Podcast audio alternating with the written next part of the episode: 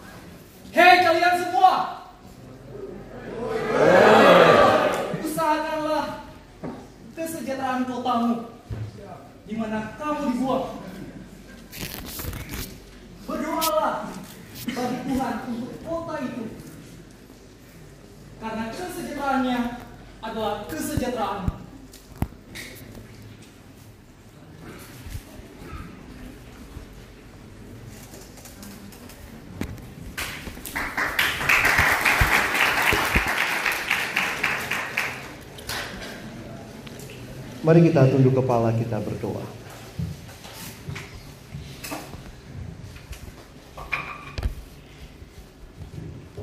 Bapa di dalam surga kami bersyukur. Kami mempunyai Allah sepertimu. Allah yang mengasihi kami. Allah yang peduli dengan hidup kami.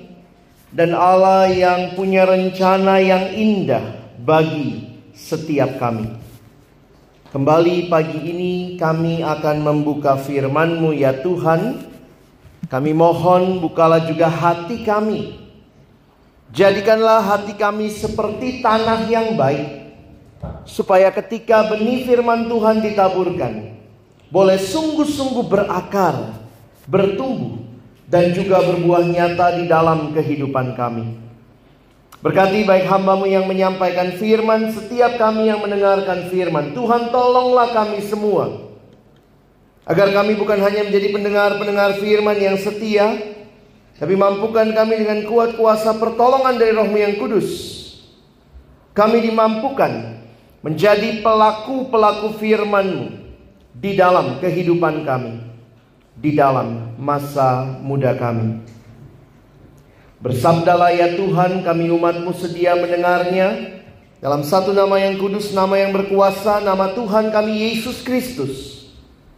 Kami menyerahkan pemberitaan firman Amin. Shalom. Shalom. Shalom. Merdeka. Puji Tuhan, hari ini nuansanya merah dan putih ya. Dan kita bersyukur untuk Tuhan memimpin bangsa kita sampai hari ini 73 tahun kemerdekaan Negara Kesatuan Republik Indonesia. Nah, saudara kemarin semua memperkenalkan diri ya, katanya tak kenal maka sudah kenal sih belum tentu disayang ya. saya Alex Nanlohi dan saya saat ini melayani di pelayanan siswa perkantas di Jakarta. Tapi saya terus merasakan ke Indonesia Timuran gitu ya karena saya memang dari Indonesia Timur. Saya aslinya bingung juga kalau bilang aslinya gitu ya. Papa saya orang Ambon, mama saya orang Manado, saya lahir besar di Makassar. Kurang apa lagi ya? Jadi uh, logat tergantung bicara sama siapa ya. Jadi bisa di Makassar, boleh bahasa Manado, bicara Manado, pokoknya Ambon ya sadiki-sadiki ya.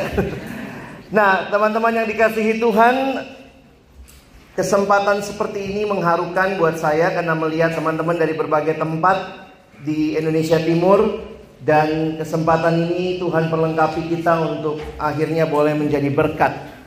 Dan seperti yang kemarin disampaikan banyak kali bahwa Indonesia itu bukan cuma bagian barat, ada juga bagian timur ya.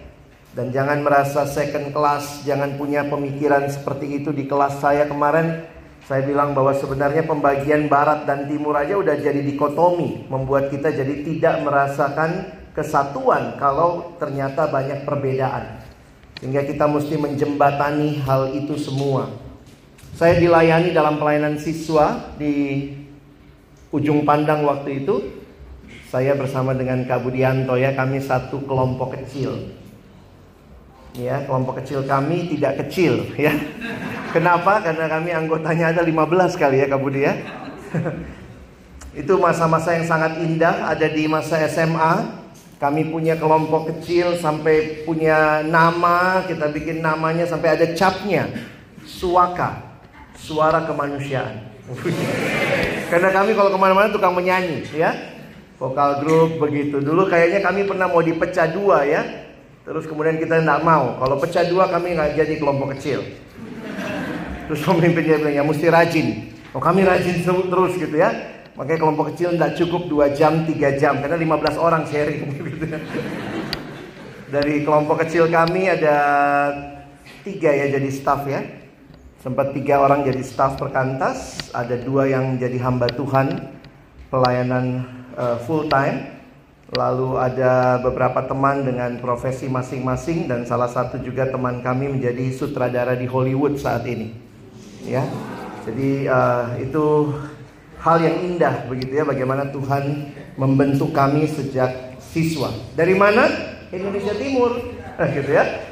Jadi tidak usah bicara barat-barat dulu tapi kemudian kalau kita punya kualitas kita punya hal-hal yang mau sama-sama kita persembahkan kepada Tuhan di mana pun kita bisa berkarya dalam anugerah Tuhan. Pagi ini kita akan melihat uh, Yeremia yang saya juga saya uh, sadari bahwa mungkin tidak semua kita pernah baca kitab Nehemia sampai selesai, uh, Yeremia sampai selesai ya. Karena itu saya harap ini sebagai pengantar kalian belajar tokoh Alkitab Eh, Yeremia ini kita bisa melihat beberapa hal yang penting dalam hidup Yeremia. Dan nanti kita akan teliti salah satu suratnya yang tadi dibacakan ya. Sampai kaget kota mana? Mau kawin? Cari istri kaget ya. Nah, kita coba lihat sama-sama. Nah, teman-teman mesti ingat baik-baik Yeremia ini ada di dalam uh, kesatuan bagian perjanjian lama dikategorikan di dalam nabi-nabi besar. Nabi besar bukan karena bentuk badan. Ya, ada nabi besar, nabi kecil, tapi dari panjangnya kitab. Ya, jadi nabi besar seperti Yesaya, Yeremia, Yehezkiel itu besar. Karena apa? Kitabnya panjang. Nah, apa yang menarik adalah nabi dalam fungsinya dia membawa pesan ilahi di masa dia ada. Dan saya pikir tugas kenabian itu Tuhan titipkan juga sama kita sekarang. Tidak ada lagi jabatan nabi, tetapi fungsi kenabian saya percaya tetap menjadi bagian orang percaya. Ketika kita bicara tentang nabi di dalam perjanjian lama mereka menyampaikan pesan Allah. Ada tiga bagian penting di dalam Alkitab perjanjian lama dalam struktur masyarakat Israel. Pertama ada yang namanya raja, itu yang menjalankan pemerintahan. Lalu ada yang namanya imam, imam itu adalah orang-orang yang melayani pelayanan di bait Allah. Jadi mereka mengatur kurban dan seterusnya, mempersembahkan kurban kepada Allah dan ada yang namanya nabi. Nabi adalah orang-orang yang dipakai Allah untuk menyampaikan pesan kenabian ini. Dan biasanya nabi ini memang agak nyeleneh gitu ya. Kenapa? Karena dia akan selalu menyampaikan kabar atau berita dari Allah, seruan dari Allah kepada raja. Jadi kalau kita perhatikan ada banyak raja yang ada di Israel dan kita lihat bagaimana rajanya makin lama makin buruk. Pernah saat duduk kita pelajari raja? Itu kayak sama polanya ya. Raja ini tambah jahat, tambah jahat, tambah jahat, mati. Anaknya lebih jahat lagi dari papanya, tambah jahat, tambah jahat. Terus begitu ya. Apa sedang apa yang sedang terjadi? Sehingga perhatikan nabi-nabi ini dikirimkan di masa-masa seperti itu. Saya pikir cara Tuhan di masa ini, di generasi ini, dari kemarin kita udah dengar, bersuaralah, berbicaralah, speak up. Itu bicara juga suara kenabian, ya. Nah, waktu itu bangsa Israel terpecah dua kerajaan. Masih ingat? Kalau rajin sekolah minggu tahu ya. Kalau hah ada kerajaan di Israel, kau ke mana? Mana sekolah minggu ya? Nah, jadi setelah zamannya Daud, jadi raja pertama siapa? Saul. Habis Saul ganti Daud. Sebenarnya raja itu harus berlangsung terus dari keturunannya. Saul suku Benyamin. Tapi karena Saul tidak taat kepada Allah. Maka kalimat di dalam Alkitab. Aku ambil kerajaan dari keturunanmu. Sehingga tidak ada lagi berhenti. Dinasti kerajaan beralih dari Benyamin ke Yehuda, itulah Daud. Dan terus turun raja-raja Israel itu dari suku Yehuda. Gantinya Saul, Daud. Gantinya Daud, Salomo. Habis masanya Salomo, anak Salomo, biasa orang muda ya, agak-agak besar kepala begitu. Dia minta nasihat, nasihat itu dia tidak dengar, dia lebih pilih nasihat orang muda. Karena itu terpecah dua kerajaan. Ya, jadi zaman itu terpecah dua kerajaan. Ada kerajaan yang di utara, itu namanya kerajaan apa? Di utara namanya kerajaan Israel. Israel di atas di utara itu ibu kotanya apa? Sama Samaria ya. Lalu ada kerajaan selatan di bawah. Itu namanya kerajaan Yehuda. Ibu kotanya Yerusalem. Dari 12 suku, berapa yang koalisi ke atas, berapa yang koalisi ke bawah? Yang ke atas Israel adalah koalisi 10 kerajaan dan yang di bawah koalisi dua kerajaan. Wah, ini lulus semua ya. Ini baru Alkitab loh, belum uh, Kompas gitu ya. Belum ilmu-ilmumu. Kita perlu kuasai banyak wawasan ya. Nah, jadi yang menarik adalah perhatikan. Yang namanya Yeremia ini agak unik saudara. Kenapa? Yeremia ini adalah imam. Yeremia imam yang dipanggil Allah menyampaikan suara kenabian. Kepada siapa? Kepada utara atau selatan? Kepada selatan, ya. Nah, coba lihat sebentar. Bisa kan? Oh. Mungkin dicabut dulu terus masukkan kembali.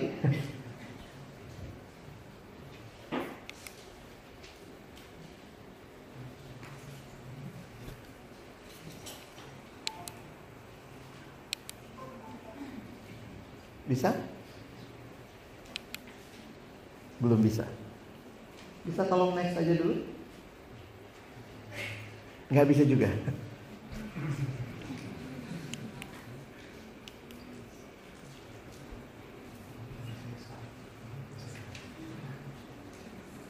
Ini bukan foto saya sama istri saya itu bukan. Kemarin kan perkenalannya pakai foto keadaan saya. Oke. Jadi Allah memanggil Yeremia yang adalah seorang imam untuk menyampaikan pesan ilahi kepada kerajaan Yehuda. Kenapa kerajaan Yehuda? Karena kerajaan Israel sudah hancur. Kalau kalian ingat, kerajaan Israel jatuh duluan. Ke siapa jatuhnya kerajaan Israel? Ke Asyur. Setelah Asyur, kemudian dunia dikuasai, Asyur dikalahkan oleh Babel. Nah ini sejarah dunia mesti tahu ya.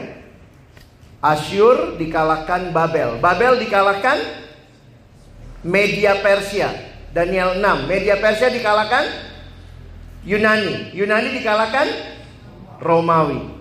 Di zaman Yesus itu kerajaannya Romawi. Nah, kenapa ini jadi penting? Karena pada waktu itu kerajaan Israel Utara, kerajaan Utara sudah jatuh. Nah, sekarang kerajaan Selatan itu masih bertahan, tapi penguasanya Babel sudah mulai akan menyerang. Dan kemudian di masa itu Tuhan panggil Yeremia untuk menyampaikan pesan ilahi kepada umatnya. Nah maaf ini terlalu kecil pasti ya Yang di belakang kalau bisa baca Superman kamu. Pasti nggak bisa baca di belakang. Saya kemarin coba duduk di belakang nggak kelihatan ya. Saya bacakan saja. Yeremia adalah seorang imam. Ia dibesarkan untuk melayani di bait suci. Ia lahir di Anatot.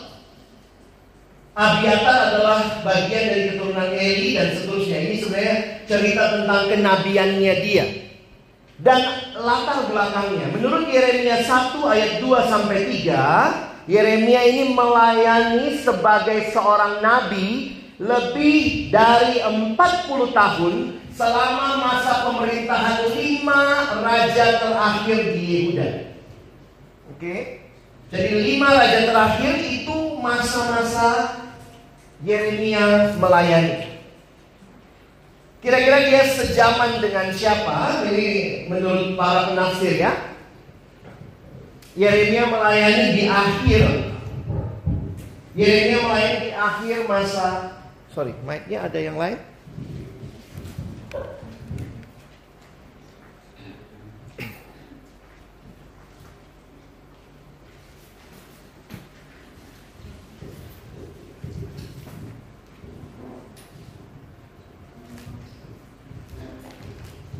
Yeremia ini melayani di akhir masanya Yosia. Kalau kalian belajar sejarah Israel, Raja Yosia ini adalah raja yang melakukan reformasi yang bagus sekali. Ehonya dikecilin. Ini lagi ngomong nggak mau konsen halo. Ehonya diturunin ya. Treble-nya tambah sedikit. Jadi teman-teman perhatikan Yeremia ini melayani di akhir masa Yosia dan Yosia itu melakukan reformasi yang bagus sekali. Tetapi ternyata Israel, bangsa, eh, bangsa Israel ini bandel kembali. Balik lagi kepada hidup mereka yang lama. Sehingga reformasinya Raja Yosia ternyata tidak bertahan di dalam masa-masa penggantinya. Jadi kalian bisa perhatikan Yeremia pernah merasakan di akhir masa Yosia kembali semua pada sisi yang benar. Tetapi kemudian mulai rusak lagi, rusak lagi. Sampai puncak kerusakannya ketika akhirnya Tuhan membawa mereka ke Babel. Mereka kalah dalam peperangan itu, mereka ditawan oleh tentara oleh uh, Babel ya pada waktu itu. Jadi ini masa-masanya Yeremia melayani. Yeremia tidak ikut diangkut ke Babel. Yeremia tetap di Yerusalem. Jadi ini satu hal yang menarik untuk kita perhatikan. Kira-kira dalam masa begini pesannya apa ya? Ini kira-kira kalau kita mau lihat, saya nanti kasih slide-nya kalian boleh ambil karena ini banyak data ya. Misalnya kalian perhatikan ini. Kita tolong lagi. Ini. Zaman Yosia, nanti kalian lihat, karakter dari raja yang berkuasa, character of reign mostly good. Yosia itu raja yang baik. Tapi mulai penggantinya, Yoahas evil, evil, evil, evil gitu ya. Ini semua jahat, jahat, jahat. Jadi kalau kita perhatikan, para penafsir waktu kita membaca seluruh kitab Yeremia, Yeremia adalah nabi yang berduka cita. Yeremia dikenal sebagai nabi yang berduka cita. Ketika Yeremia menerima perintah Allah untuk pergi kepada bangsa Israel, dia dikasih tahu sama Tuhan. Tuhan memang juga kadang memberikan kita hal-hal yang perintah-perintah yang mungkin dalam pergumulan kita bagaimana ini. Bayangkan kamu diutus sama Tuhan lalu Tuhan bilang begini, Yeremia, misalnya ke kamu ya, Yeremia, pergilah ke bangsa yang engkau akan bicara kepada mereka tapi mereka tidak akan mendengarkan perkataanmu. Yeremia sudah tahu begitu ya, Jangan pernah evaluasi, pasti hasilnya nggak ada. Aduh, ini Tuhan kayak apa ini? Teman-teman waktu bergumul dengan bangsa ini, saya pernah merasa seperti Yeremia. Dalam arti begini, kita melayani bangsa ini, melayani siswa, mahasiswa, alumni, mereka jadi alumni berperan di bangsa ini, tapi tidak ada perubahan. Beberapa tahun yang lalu kita kalau camp-camp seperti ini kayaknya menangisi bangsa kita, Nah terus kemudian waktu Tuhan bangkitkan orang seperti Pak Ahok, orang seperti Pak Jokowi, kita kok kayaknya merasa wah sudah mulai ada harapan ya. Nah saya agak takut apakah itu masa Yosia ya.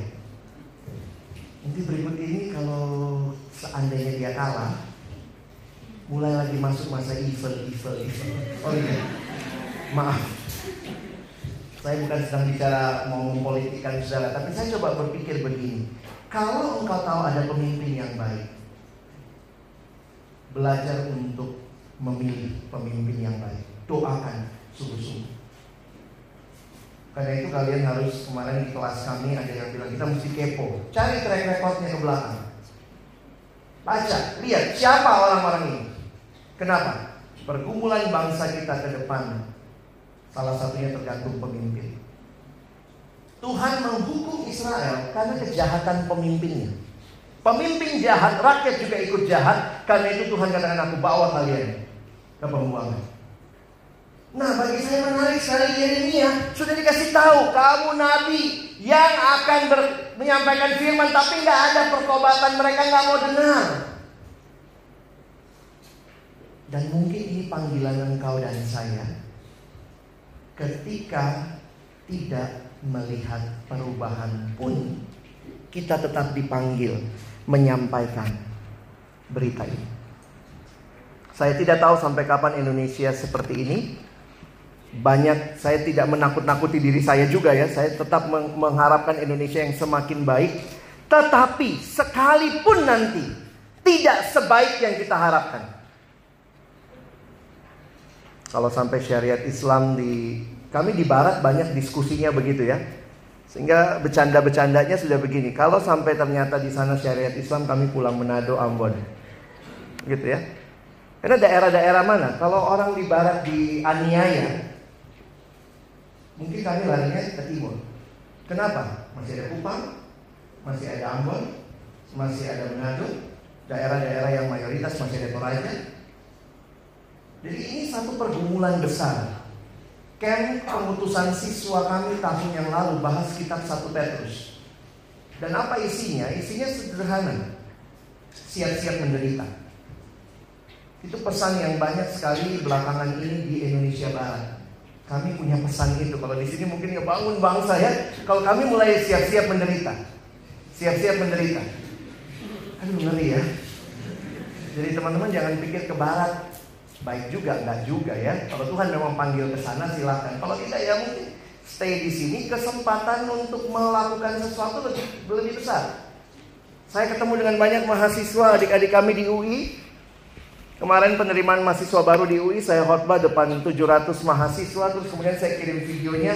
Nah di belakang kami itu yang muslim. Lalu saya kirim videonya ada yang bilang, wih banyak juga kayak yang jilbab ya. Saya bilang di UI ini sudah mulai kelihatan yang tidak jilbab kemungkinan besar Kristen karena hampir semua sudah berjilbab. Jadi pesan-pesan seperti ini nggak tahu ya saya kenapa panitia pilihin ini buat saya. Saya pikir ini pesannya mirip sekali dengan apa yang sedang kami banyak khotbahkan di Indonesia bagian barat. Siap menderita. Kenapa? Karena di sana kami minoritas. Di kampus makin sulit. Beberapa dosen makin radikal, itu ngajar di kelas. Bilang sama mahasiswa, pindah aja agama. Nggak ada benar itu. Tentang Yesusmu Tuhanmu. Dan itu banyak terjadi. Nah mungkin beberapa daerah kayak di Makassar mungkin juga terjadi seperti itu ya. Pesan ini jadi menarik buat kita. Ketika pemimpin makin jahat, situasi makin sulit, panggilan kita adalah tetap menyampaikan kebenaran. Bahkan uh, ini ya raja dan kaum ningrat, imam dan orang biasa semuanya melawan Yeremia. Berarti imam melawan itu berarti kaumnya sendiri. Sehingga kalau kita baca pergumulan Yeremia ini, ya pasti nggak disukai lah ya. Ke mana-mana pesannya bukannya mengencourage, tapi justru mendiscourage. Dikatakan Keluarganya sendiri yang kaum imam juga menentangnya. Ia bahkan dipasung, dibuang ke dalam perigi. Tidak seorang pun mau mendengarkan dia. Ia menyaksikan kemunduran dan kematian bangsanya sendiri. Bahkan Tuhan kadang nampak seperti melawan Yeremia. Dia tidak bisa mengerti kehendak Tuhan dan mengapa Tuhan melakukan apa yang dilakukannya. Ini nabi yang jujur banget saudara. Beberapa bagian kitab Yeremia dia marah-marah sama Tuhan. Karena dia nggak sulit untuk bisa memahami kehendak Tuhan. Meskipun demikian, ada kalimat ini menarik ya. Firman Allah menyala-nyala seperti api di dalam tulang-tulangnya dan dia tidak bisa menahannya.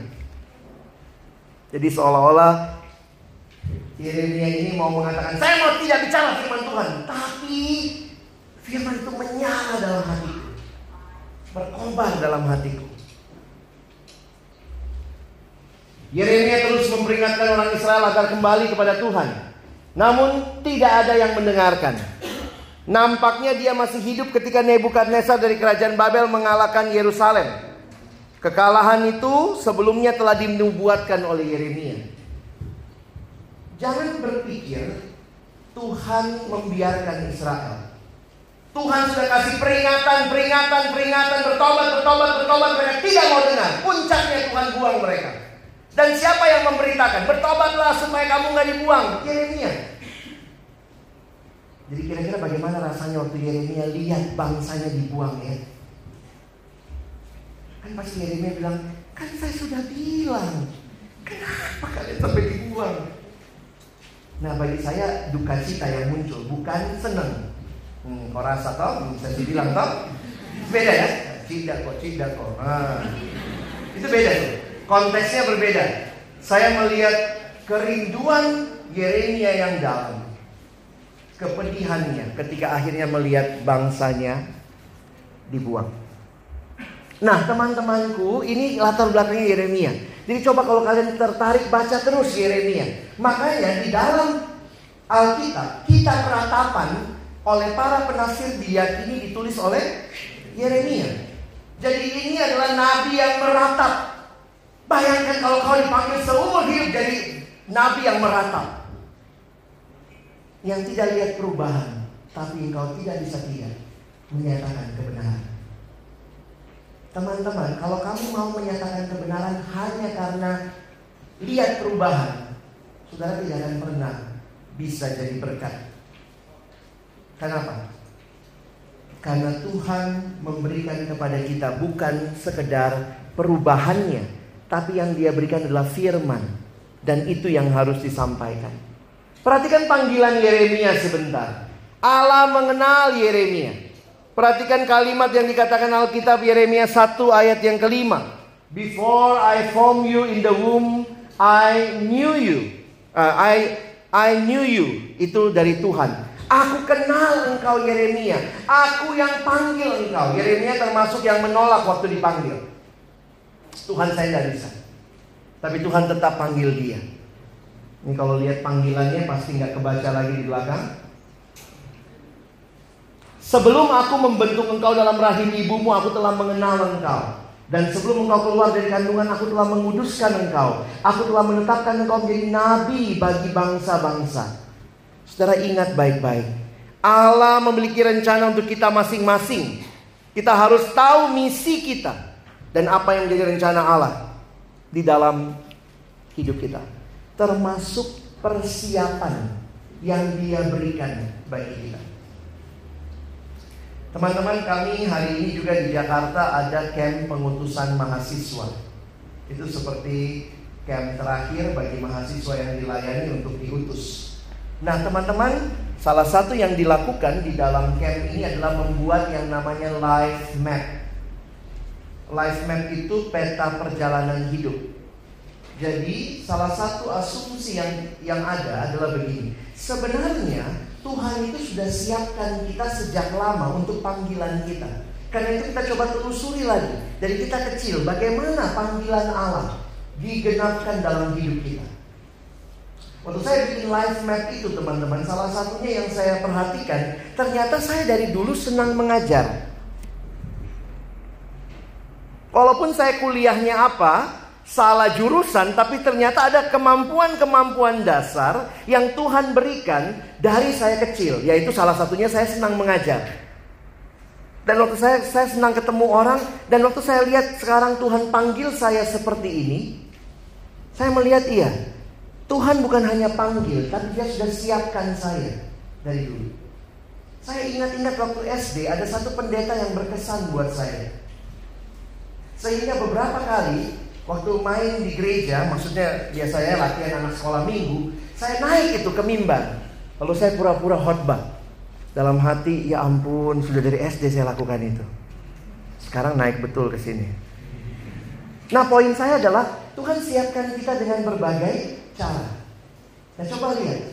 Mungkin kau rasa Tuhan, kenapa saya di jurusan ini? Apa yang Tuhan mau? Tuhan mau saya berkarya apa bagi bangsa ini? Tentu tidak semua dipanggil full time. Nanti siapa yang dilayani? Tapi ada yang dipanggil full time, betul? Mungkin ada yang dipanggil jadi alumni yang sukses dan berhasil sehingga persembahannya datang ke perkantan. Ya dong? Eh pelayanan mahasiswa ini kan pelayanan paling keres di bawah kolong langit. Benar nggak? Apalagi pelayanan siswa. Saya ingat sekali ada satu sekolah di Jakarta kalau kami ke sana itu ya kami dikasih kartu. Wih, kartunya besar. Mereka bikin sendiri pakai tulisan tangan. Terus kemudian nanti di dalam kartu itu mereka selipkan uang persembahan. Jadi berapa persembahan hari itu ya udah itu yang kita dapat begitu ya. Kadang-kadang saya berpikir iya ya kalau kita pelayanan cari uang nggak tepat di perkantas bukan tempat cari uang. Siapa yang mendanai pelayanan ini? Orang-orang yang pernah menikmati. Ketika mereka jadi alumni, jangan takut punya alumni yang punya duit ya. Asal pakai uangnya dengan benar. Persembahkan yang terbaik bagi Tuhan. Jadi coba nanti kalian coba telusuri lagi ke belakang gitu ya. Lihat apa yang sudah Tuhan percayakan buat kamu sampai hari ini. Nah, teman-teman, dari Yerusalem kan Yeremia nggak ikut dibuang ya. Yeremia tidak dibuang, dia ada di Yerusalem. Nah dari Yerusalem ternyata Yeremia tetap punya beban kasih kepada bangsanya. Dari Yerusalem, Yeremia kirim surat untuk bangsanya. Nah saya pikir ini ingat ya waktu itu kirim surat nggak gampang, belum ada tiki JNE, belum ada pilat khusus, pos, jadi pasti ada orang yang bawa surat itu kepada orang di pembuangan. Nah teman-teman perhatikan. Pembuangan yang Tuhan berikan bagi Israel itu bentuk penghukuman. Tapi tujuan penghukumannya bukan untuk membinasakan. Perhatikan di dalam Alkitab tujuan Allah membuang mereka adalah untuk memurnikan Israel. Jadi tujuan utama adalah pemurnian. Nah perhatikan berapa lama mereka akan dibuang? 70 tahun. Nah sekarang Yeremia kirim surat. Kita baca suratnya Yeremia 29 ya. Kita tidak baca seluruhnya.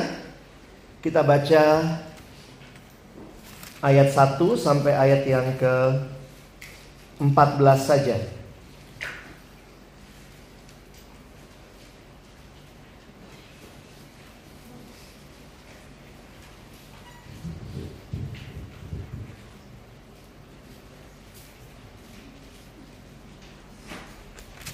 Kita baca bergantian, pria baca ayat 1, wanita baca ayat 2, kita bergantian sampai ayat 14. Mari baca dengan tenang, teratur supaya kita bisa memahami ya. Setelah saya baca judulnya, mohon yang pria mulai membaca. Surat kiriman kepada orang-orang buangan di Babel.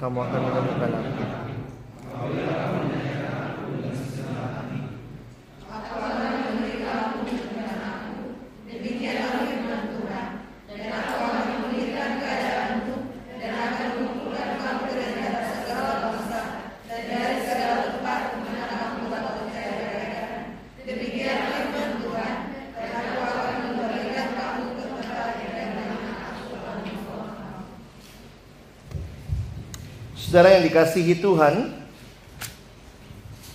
sesuai dengan nubuatnya Yeremia, maka Yerusalem jatuh dan para pemimpinnya dibuang ke Babel. Nah, setelah mereka tinggal di Babel, teman-teman saya coba lihat peta dari Yerusalem ke Babel itu kurang lebih seribu mil. Jauh ya. Jadi bayangkan mereka dibawa ke pembuangan, Dan di Babel itu mereka dikumpulkan. Masih ingat kan zamannya Daniel. Jadi sejaman itu. Daniel. Jadi kemungkinan Daniel itu adalah orang yang baca suratnya Nabi Yeremia. Jadi waktu itu kan dilakukan pemilihan orang-orang bibit unggul terbaik dibawa ke Babel. Jauh itu, seribu mil. Nah, di sana mereka mulai bertanya-tanya. Berapa lama kami dibuang? Kira-kira gitu ya. Nah, kalau kalian jadi nabi nih, ya, lebih suka, sorry, kalian jadi masyarakat Yerusalem atau masyarakat yang dibuang ini, terus kalian dengar berita, ada satu nabi bilang, sabar, kalian di sini cuma dua tahun. Terus yang satu bilang, enggak, 70. Lebih suka yang mana? Rindu kampung pengennya yang dua tahun apa yang 70 tahun gitu ya. Itu kayak orang yang sudah merantau ke daerah lain. Nah, pergumulan itu yang dirasakan oleh orang-orang di Babel. Coba teman-teman lihat pasal 28 Nabi Yeremia lawan siapa? Ha? Hananya. Inilah nabi-nabi palsu yang pesannya bukan dari Tuhan, pesannya cuma yang penting aman, nyaman, tentram. Nah, perhatikan ayat yang ke-10. Coba teman-teman baca 28 ayat 10 dan 11. Ayo kita baca sama-sama pasal 28 ayat 10 dan 11. Satu, dua, iya.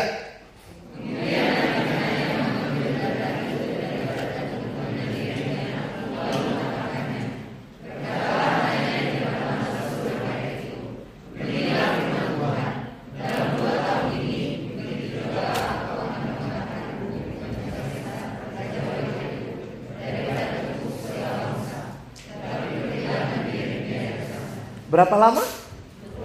Dia pakai perumpamaan lagi, dia patahkan. Wah, lihat ini. Cuma dua tahun. Yeremia pesannya apa di surat? Sebelum dia bilang 70 tahun, makanya dia bilang, cari istri. Kenapa? Ada yang mungkin pikir, ah sudah kalau dua tahun tunda aja pernikahan dua tahun lagi ya. Nanti kali di kampung lebih enak kan? Oh Nehemia, Yeremia bilang tidak, cari istri sekarang. Berkebun. Kalau berkebun itu berarti orang bakal menetap. Kalau tidak kan biasa aja gitu ya. Jadi teman-teman perhatikan tuh. Yeremia meminta mereka agar membangun rumah dan menempatinya. Yang nabi yang lain, nabi palsu bilangnya tidak usah bangun rumah, kemah sudah cukup. Nanti kan pulang dua tahun. Dua tahun camping kan nggak apa-apa ya. Nanti pulang. Yeremia bilang tidak, rumah permanen. Lihat lagi. Berkeluargalah. Tetap anakmu carikan istri. Anakmu carikan suami. Kamu mesti tambah banyak, jangan berkurang. Dan ini yang menarik.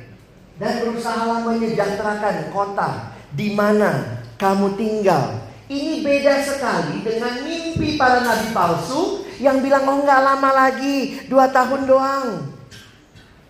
Padahal Tuhan sudah bilang 70 tahun baru kamu kembali.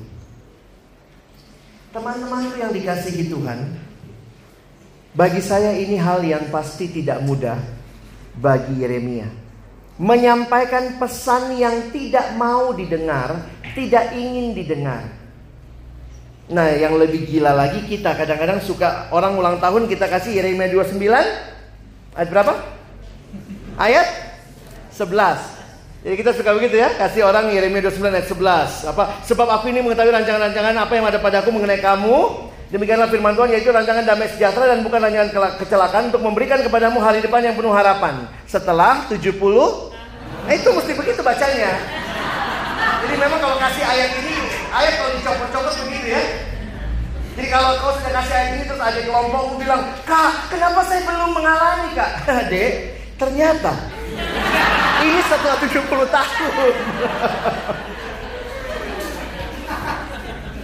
Wih, saya waktu sadari ini saya sudah nggak kasih ayat itu lagi kalau orang ulang tahun. Maksudnya kalau tidak kita kasih tahu. Pasti akhirnya. Tapi sering kali dalam perjalanannya belum tentu semuanya menyenangkan. Nah, kenapa Daniel? Waktu saya pikir-pikir, Daniel tinggal di Babel. Lalu Daniel belajar keras di Babel. Luar biasa ya. Daniel menguasai ilmu waktu itu. Dan waktu Daniel menguasai, menguasai ilmu itu, Alkitab mencatat dia 10 kali lebih pintar. Waktu saya bayangkan kenapa dia mau kerja sama Raja Babel. Saya pikir Daniel orang yang baca suratnya Nabi Yeremia. Yeremia bilang tinggal di sana. Berkarya di sana. Sejahterakan kota di mana kamu tinggal. Sehingga saudara bayangkan, Daniel bukan putra daerah. Dapat peringkat ketiga. Naik lagi jadi peringkat kedua. Persis di bawah raja. Kadang-kadang kalau kita pikir orang Yahudi kan sangat anti sama bangsa kafir. Daniel punya standpoint. Dia tidak makan makanan raja. Kenapa? Karena ternyata makanan Raja Babel itu banyak yang haram. Tapi dia terus berkarya sampai puncak kepemimpinan orang nomor dua di Republik Babel. Apa dasarnya? Saya pikir dasarnya Yeremia 29. Di situ kamu berkarya. Nah teman-temanku saya ingin mengajak kita hari ini melihat dua hal yang kalian tulis di dalam tema ini. Bagaimana bisa punya komitmen? Saya pikir kita punya komitmen bukan karena lihat kondisi, lihat situasi. Ada orang bilang begini, kalau Indonesia makin baik, saya mau di Indonesia. Kalau kau lihat komitmenmu berdasarkan situasi, maka mungkin kau gak akan pernah berkomitmen.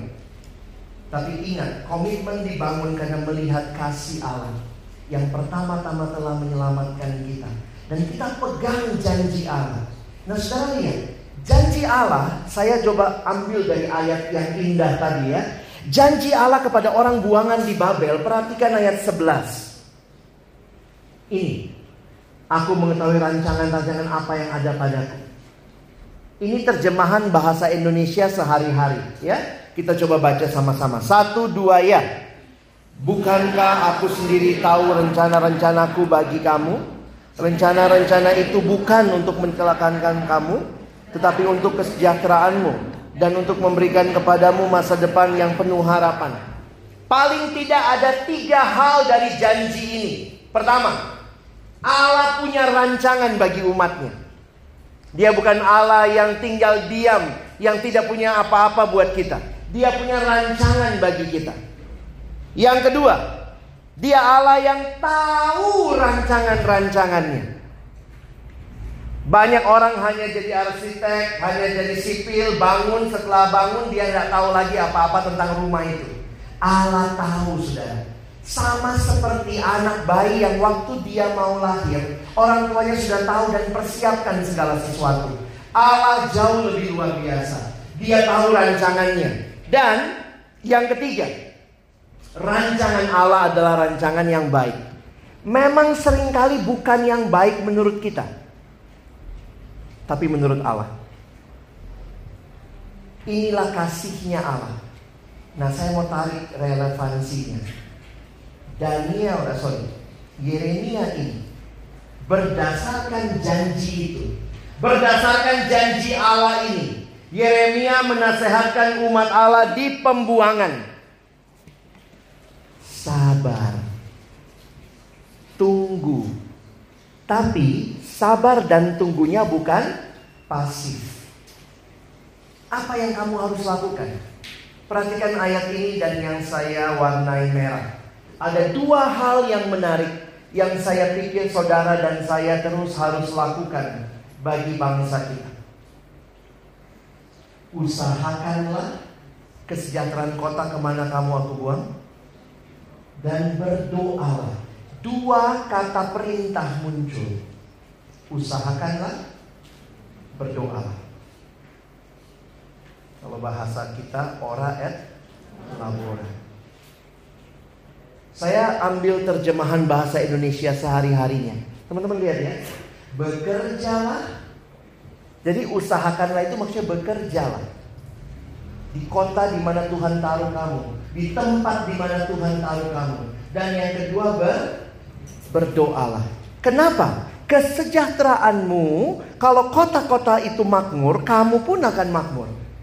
Nah saudara yang dikasihi Tuhan, waktu saya merenungkan akan hal ini, berdasarkan janji Allah yang indah luar biasa.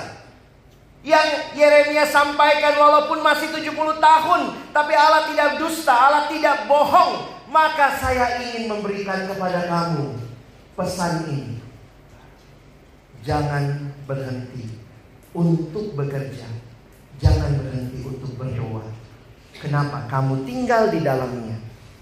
Kota itu makmur. Kamu juga makmur. Karena itu kenapa ada orang seperti Daniel yang sampai ke puncak pemerintahan.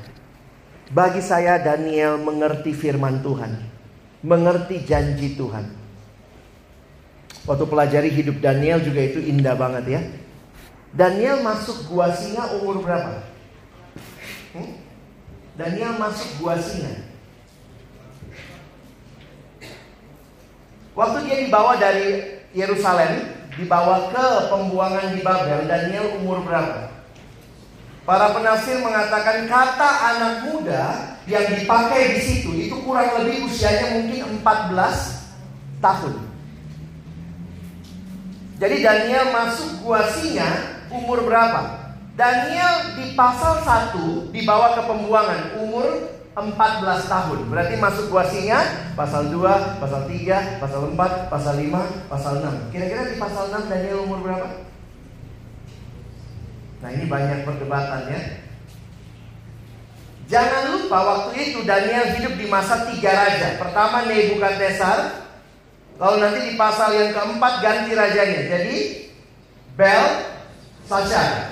Lalu ganti lagi nanti di pasal 6 Darius. Itu dua raja kerajaan Babel. Darius kerajaan Persia, media Persia. Jadi sudah ganti tiga kali raja, sudah ganti dua kerajaan. Berapa jarak antara Daniel 1 dengan Daniel 6? Ingat, waktu itu raja diganti hanya kalau mati dan kerajaannya dikalahkan kerajaan lain. Ketika para ahli meneliti dari Daniel 1 ganti ke Nebukadnezar ke Belsasar, ganti ke media Persia, ternyata jaraknya kurang lebih 66 tahun. Daniel yang masuk gua singa, Daniel 14 tahun tadi tambah 66 tahun, umur 80-an. Jadi jangan kau pikir Daniel gagah perkasa masuk gua singa ya. Makanya lembaga Alkitab Indonesia membaharui, merevisi gambar Alkitab anak-anak Daniel di gua singa. Karena sebelumnya Daniel di gua singa itu Daniel yang masih 20-an gitu gagah perkasa ya. Diganti lahirnya nenek-nenek rambut putih. Eh jangan karena lagi oh pantas singanya nggak mau, bukan ya. Yang masuk nenek, bukan ya. Itu membuktikan kepada kita bahwa kesetiaannya Daniel teruji oleh waktu. Dan dia ada di sana, dia masuk ke gua singa itu. Bagi saya luar biasa ya. Dia punya waktu setiap hari tiga kali berdoa menghadap Yerusalem. Kenapa Daniel doanya hadap Yerusalem? Kiblat. Bukan. Semua orang Yahudi di pembuangan doanya hadap Yerusalem. Kenapa? Menanti janji Tuhan. 70 tahun kami akan dikembalikan ke Yerusalem. Wah ini indah sekali. Menyadari kebenaran ini. Kalau yang menggerakkan kita situasi dan kondisi Mungkin kamu dan saya adalah orang yang pertama kali pergi Ketika tidak ada perubahan. Tetapi kalau yang menggerakkan kita adalah kasih Allah. Maka di tengah-tengah situasi yang sulit Mungkin kita pun hatinya sulit. Tuhan duka cita lihat bangsaku tidak berubah. Tapi terus saya harus melayani bangsa ini. Pesan firman Tuhan saya sampaikan. Saya berdoa, saya berusaha, saya bekerja bagi bangsa ini Apa yang menggerakkan kita? Janji-janji Allah. Apa yang menggerakkan kita? Kasih yang kita sudah alami dari Allah. Sehingga saya mau mengatakan Tuhan saya mau berkarya bagi bangsa ini. Saya tidak tahu apa yang terjadi dengan Pak Ahok waktu keluar nanti. Tapi kalau dia digerakkan oleh kasih Allah, janji-janji Allah, maka mungkin dia kembali ke politik. Mungkin kita bilang aja udahlah Pak Ahok, udahlah Kristen minoritas Cina lagi. Udah balik aja usaha usaha toke toke jaga toko selesai. Aman hidup lu Pak Ahok. Tapi saya nggak tahu nih ya. Nanti tanya sama Kak Budi ya. Mimpinya pun Ahok Pak Kak Budi ya. Kira-kira apa yang akan Ahok lakukan? Jual buku. Ah, itu menarik tuh ya. Dia mungkin menggerakkan orang lewat buku-buku yang dia tulis. Tapi kalau yang menggerakkan kita adalah kasih Allah, janji Allah, kita tidak akan mundur ketika tidak ada perubahan. Nah, teman-temanku, saya mau tutup dengan beberapa pesan ini. Lihat baik-baik. Teman-temanku, orang-orang Yahudi, Israel, mereka itu dibuang. Tapi pertanyaan saya, ingat kita tidak dibuang di bangsa ini. Ada yang merasa dibuang? Saya seharusnya orang Amerika kak, cuma saya dibuang di bangsa ini. Eh lalu. Lihat rambutmu. Saya berapa kali datang ke gereja tertentu saya kaget lihat, ih kenapa banyak bule? Begitu bu, eh bu Cherry bule saya sendiri.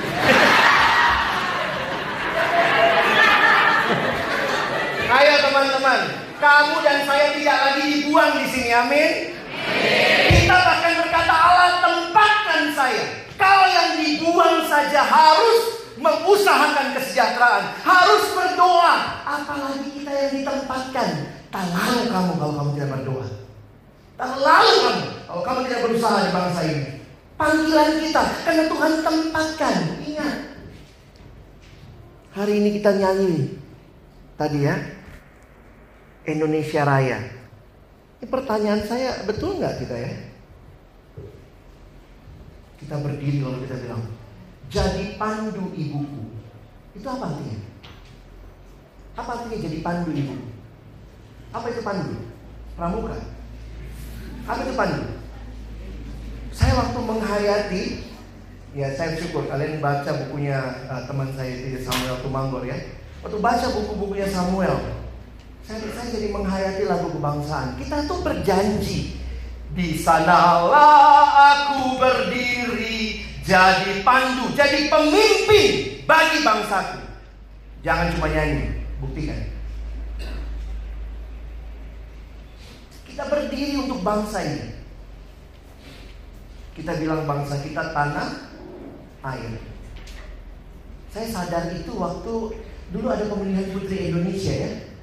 Ada pemilihan putri Indonesia lalu ditanya sama dia biasa kan yang lain lagi pakai-pakai begini kan putri putri Indonesia terus kemudian satu ditanya. Nah pertanyaannya bagus banget. Indonesia adalah negara yang luas. Ada daratan, ada banyak lautan, air. Kalau harus dipilih, kamu akan bangun yang mana? Wih putri Indonesia ini dengan jawaban yang mantap dia mengatakan, tidak bisa dipilih. Harus dibangun dua-duanya. Kenapa? Karena saya menyebut bangsa ini tanah air. Kita sebut bangsa kita apa? Tanah air. Hampir semua bangsa di dunia cuma sebut nama bangsanya. Land, land, land. Indonesia kita bilang bangsa kita. Tanah air. Bangun tanahnya, bangun airnya. Ini karunia Tuhan. Amerika cuma bilang mereka homeland, land. Waktu itu saya pikir puji Tuhan ya dia menang. Karena yang lain bilang, ya kalau harus memilih, saya beli airnya. kalau harus memilih, saya beli tanahnya. Wih, itu jawaban luar biasa. Dia mengerti. Banyak orang di Indonesia nggak ngerti apa artinya tanah air. Tanah yang berair air, itu beda. Yang salah.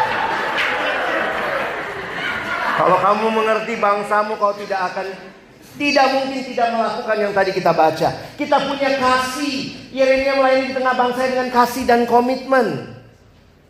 Yeremia adalah nabi Allah yang setia, tidak saja mewartakan kebenaran, tapi dia memberitahukan kepedihan hati Allah terhadap dosa-dosa umatnya. Dan saya pikir ketika engkau dan saya mengerti hati Allah kepada umatnya. Allah tidak punya rencana orang miskin terus. Allah tidak punya rencana orang tidak punya makan. Maka kepedihan itu kau buktikan dengan bangsamu. Kau bangun. Kau berikan yang terbaik. Pikirkan apa yang saya bisa berikan bagi bangsa ini. Kalau saya mau masuk kerja di sini. Saya tidak hanya pikir yang penting PNS aman. Tapi kalau saya jadi PNS, PNS seperti apa saya? Kalau saya masuk dalam bidang politik, saya akan jadi orang seperti apa? Saya masuk bidang usaha, saya akan berusaha seperti apa? Itu panggilan kita. Bukan cuma sekedar pekerjaan. Beda ya? Apa bedanya job and calling? Orang yang mengerti hidupnya cuma job, cuma kerja-kerja untuk dapat uang. Tapi orang yang mengerti hidupnya calling, maka dia selalu ingat. Kalau bicara calling, berarti ada yang memanggil. Benar? Coba kita ngomong panggilan, panggilan. Terus tidak ada yang panggil. Siapa kan?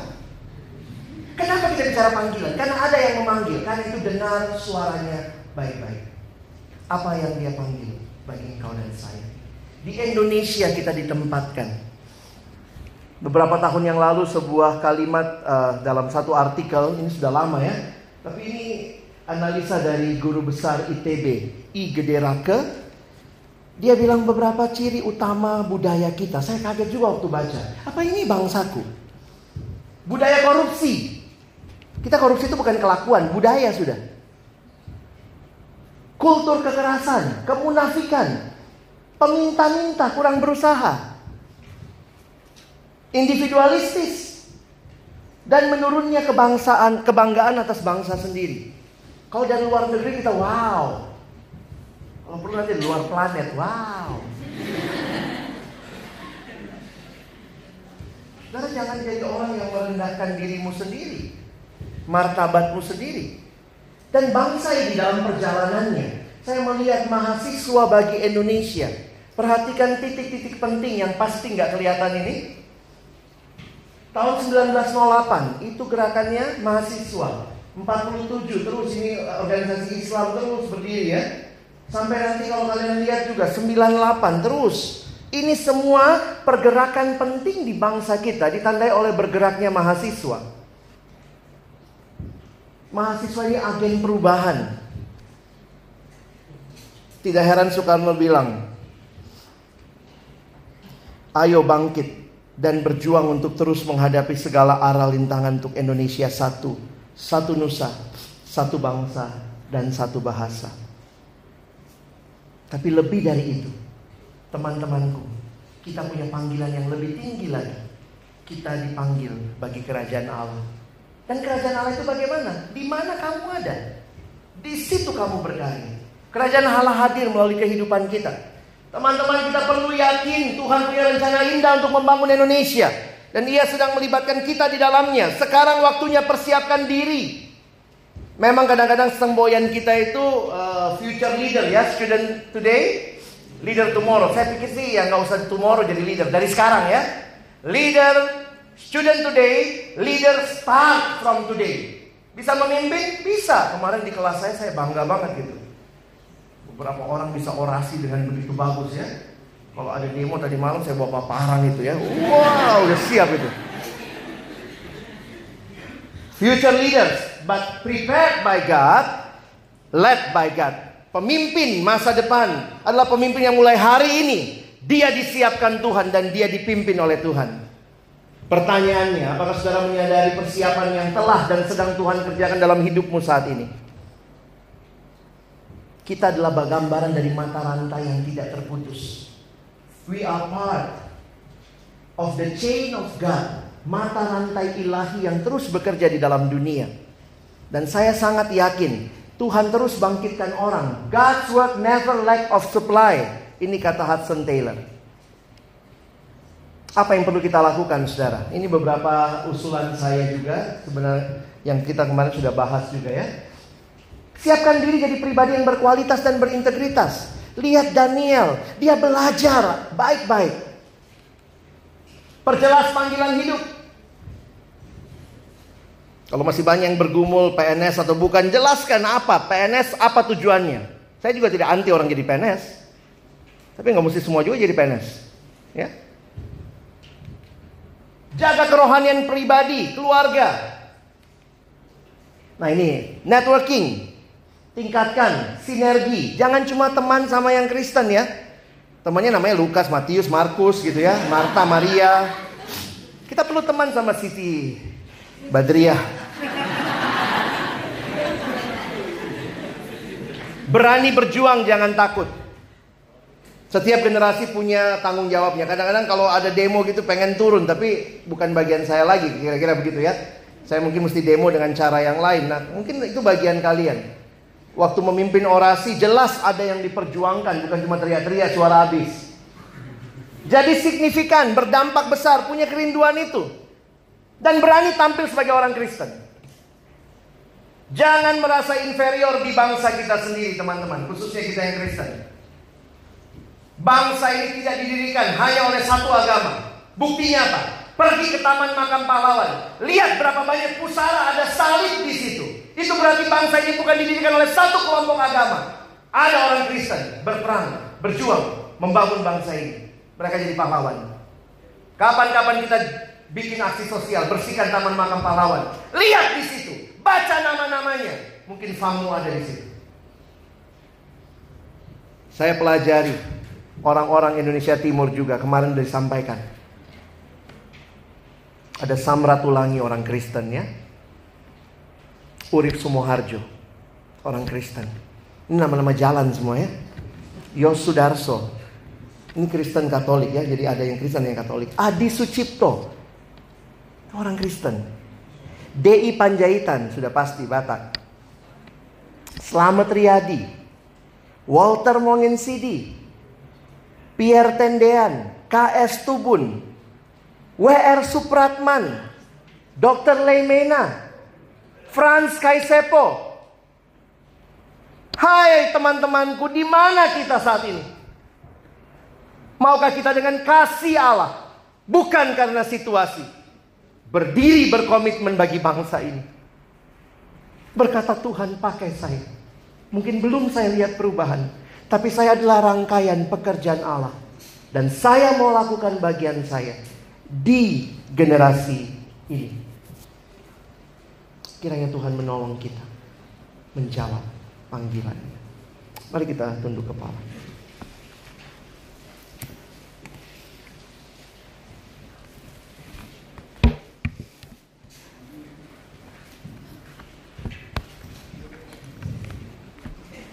Mari ambil waktu berdoa secara pribadi.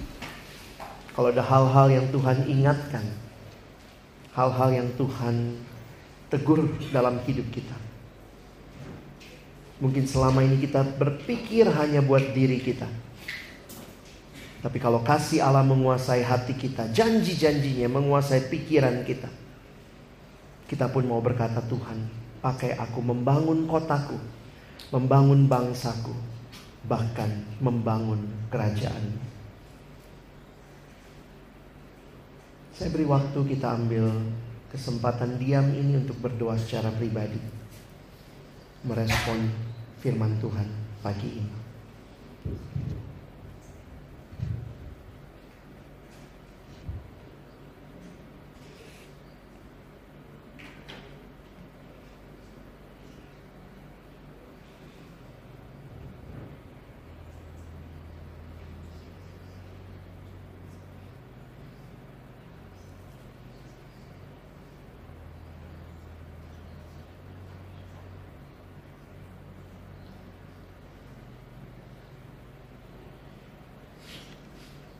Mohon kesediaan Kak Budianto menutup di dalam doa.